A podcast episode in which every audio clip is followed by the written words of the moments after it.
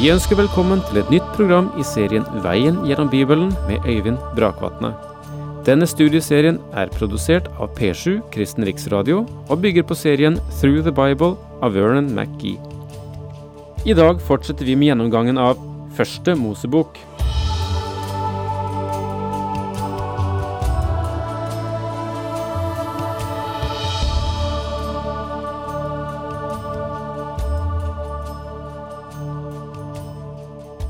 Ja, vi er ennå ikke ferdig å gjennomgå det som er et av de smerteligste kapitlene, synes jeg, i hele første Mosebok, det 38. kapittel.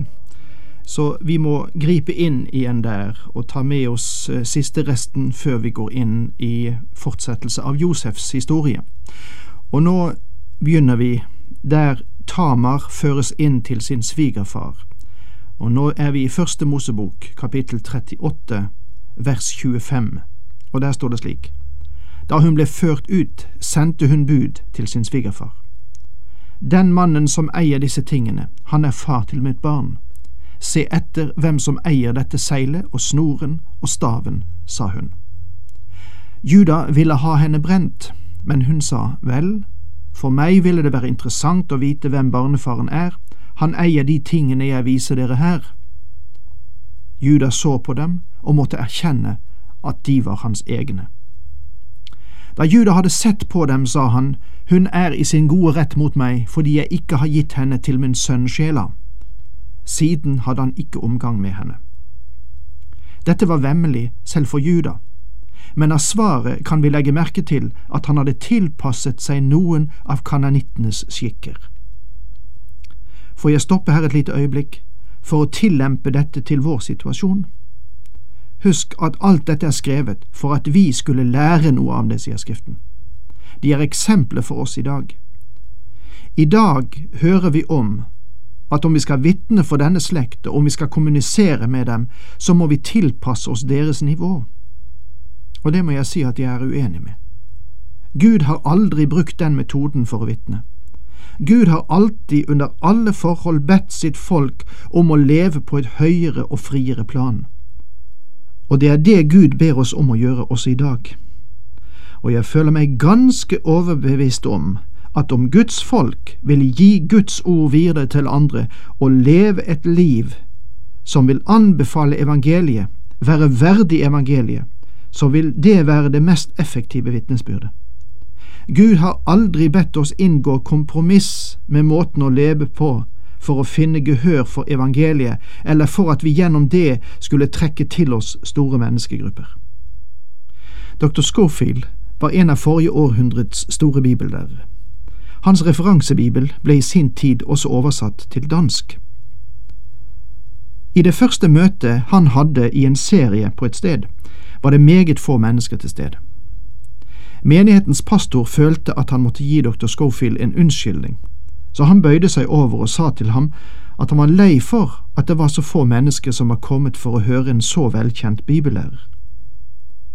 Men han svarte pastoren, Min Herre hadde bare tolv menn å tale til, og siden han hadde bare tolv menn og aldri klaget, hvem er så jeg at jeg skulle klage over en liten forsamling? Dette er kanskje en liten lekse å lære for vår generasjon også. Av og til tror vi at det må være store forsamlinger, eller så er ikke Gud i det. Kanskje Gud har kalt oss til å vitne for noen få, men jeg har gode nyheter til dere. Om du trofast gir noen Guds ord, så vil det ha sin virkning. Guds ord er kraftig, og Gud ser etter rene kar som han kan sende sitt kraftige ord gjennom. Han trenger ikke kar av sølv eller gull, men det må være rene kar. Juda hadde sannelig kommet ned på kanonittenes nivå, og se nå på resultatet. Da det led mot den tiden da hun skulle føde, viste det seg at det var tvillinger i hennes liv. Under fødselen stakk den ene fram en hånd. Jordmoren tok en rød tråd, bandt dem om hånden og sa, Han kom først. Men så trakk han hånden tilbake, og hans bror kom fram. Da sa hun, Hvordan er det du bryter deg fram? Derfor kalte de ham Peres. Så kom broren, han som hadde den røde tråden om hånden. Ham kalte de Sera. Om vi nå går til Det nye testamentet, så vil vi finne Jesu ettertavle i Matteusevangeliet, kapittel 1, og der leser vi blant annet. Abraham fikk sønnen Isak, Isak fikk Jakob, Jakob fikk Juda og brødrene hans, Juda fikk sønnene Peres og Sera med Tamar, Peres fikk Hesron, Hesron fikk Aram. Og Når vi følger dette slektsregisteret videre, kommer vi til dette verset. Og Jakob var far til Josef, Marias mann. Hun fødte Jesus, han som kalles Kristus.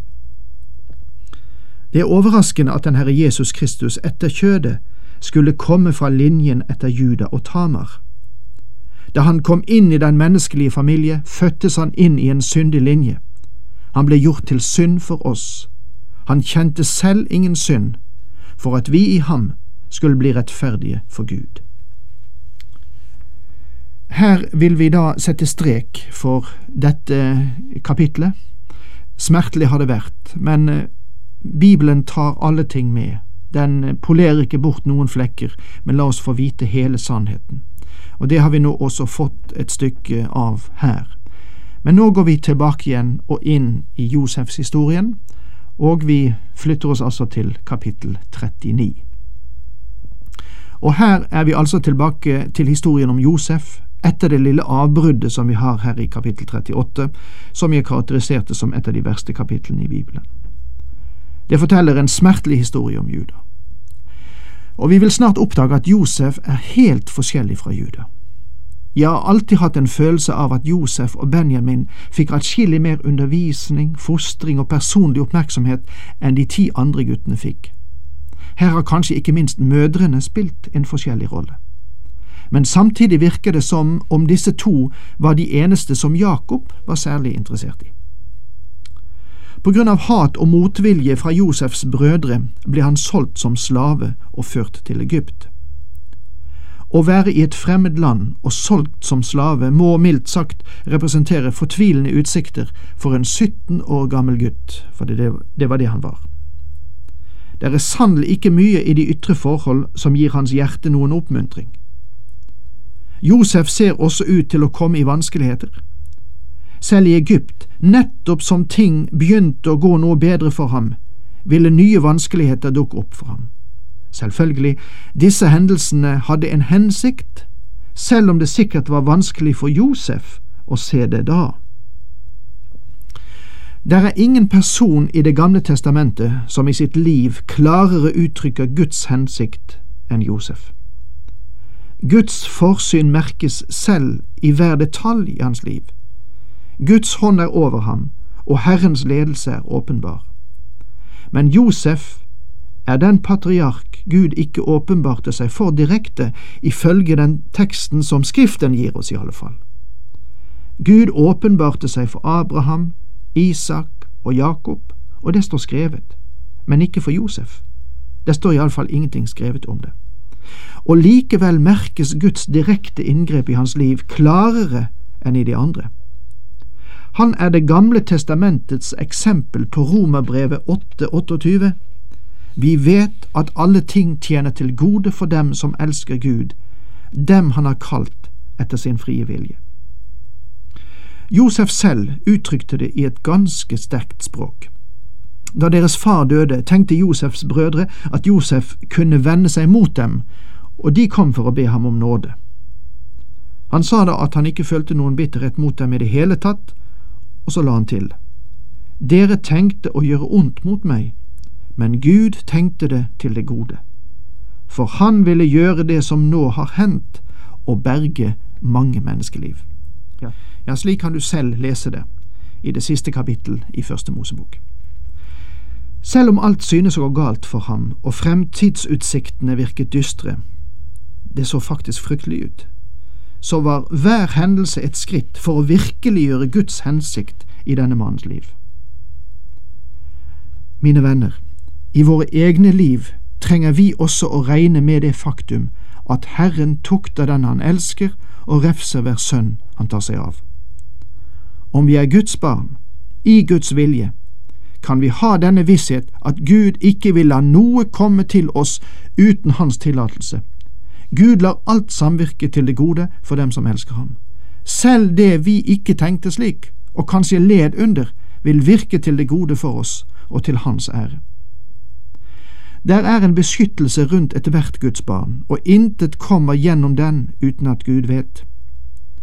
Du husker at da Satan ønsket å prøve jobb, så sa han til Gud, Har du ikke på alle måter vernet om ham og hans hus og alt det han eier? Alt hans arbeid har du velsignet, og hans buskap brer seg i landet. Satan ba Gud rive denne mur av beskyttelse, og denne boken viser at selv om Satan får Guds tillatelse til å prøve oss, vil likevel alt samvirke til det gode.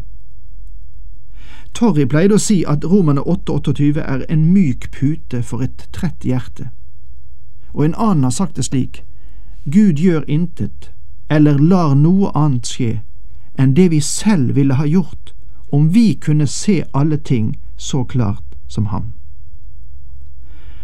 Det er også en annen side av Josefs liv som burde være en oppmuntring for ethvert Guds barn. Ingen av Guds barn i dag har noensinne hatt en direkte åpenbaring av Gud utenom åpenbaringen gjennom Hans ånd. Moderne falske profeter påstår noe annet, men Gud har ikke åpenbart seg direkte for noe menneske i dag. Nå tenker jeg ikke på Åndens åpenbaring, legg merke til forskjellen. Det burde også oppmuntre oss at Gud ikke åpenbarte seg for Josef direkte, fordi vi kan fremdeles kjenne og vite at Han leder og styrer oss. La oss nå følge den unge Josef og se hva som hender med ham. Josef ble ført ned til Egypt. Potifar, en egypter som var hoffmann hos farao og sjef for livvakten, kjøpte ham av ismaelittene som hadde tatt ham med seg dit. Denne høyreiste, fine unge mannen, 17 år gammel, ville ha en høy pris på slavemarkedet. Han ble kjøpt av Potifar, som var sjef for livvakten. Potifar var altså en militær leder, hadde sine kontorer i datidens Pentagon og var en av toppsjiktet i Egypts ledergruppe. Men Herren var med Josef, så lykken fulgte ham, han var i huset hos sin egyptiske husbond. Med en gang når han kommer inn i Potifars hus, er det åpenbart at Herren er med Josef. Velsignelse kom til det hjemmet da Josef kom. Og da husbonden så at Herren var med ham og lot alt det han gjorde lykkes, møtte Josef velvilje hos ham og fikk være hans tjener. Potifar satte ham til å styre sitt hus og ha tilsyn med alt det han eide. Livet er godt på dette punkt, og vi skulle gjerne ha avsluttet det med ordene fra eventyret, og siden levde de lykkelig alle sine dager. Men slik ble det ikke.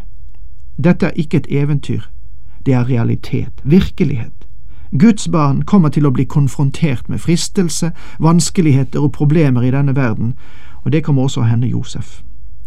Men her er det fint å se at på grunn av den troverdige måten Josef tjente på, så forfremmes han til husholder med ansvar for alt Potifars eiendom. Potifar hadde full tillit til Josef, og det burde vel være et kjennetegn også på oss som kristne i dag.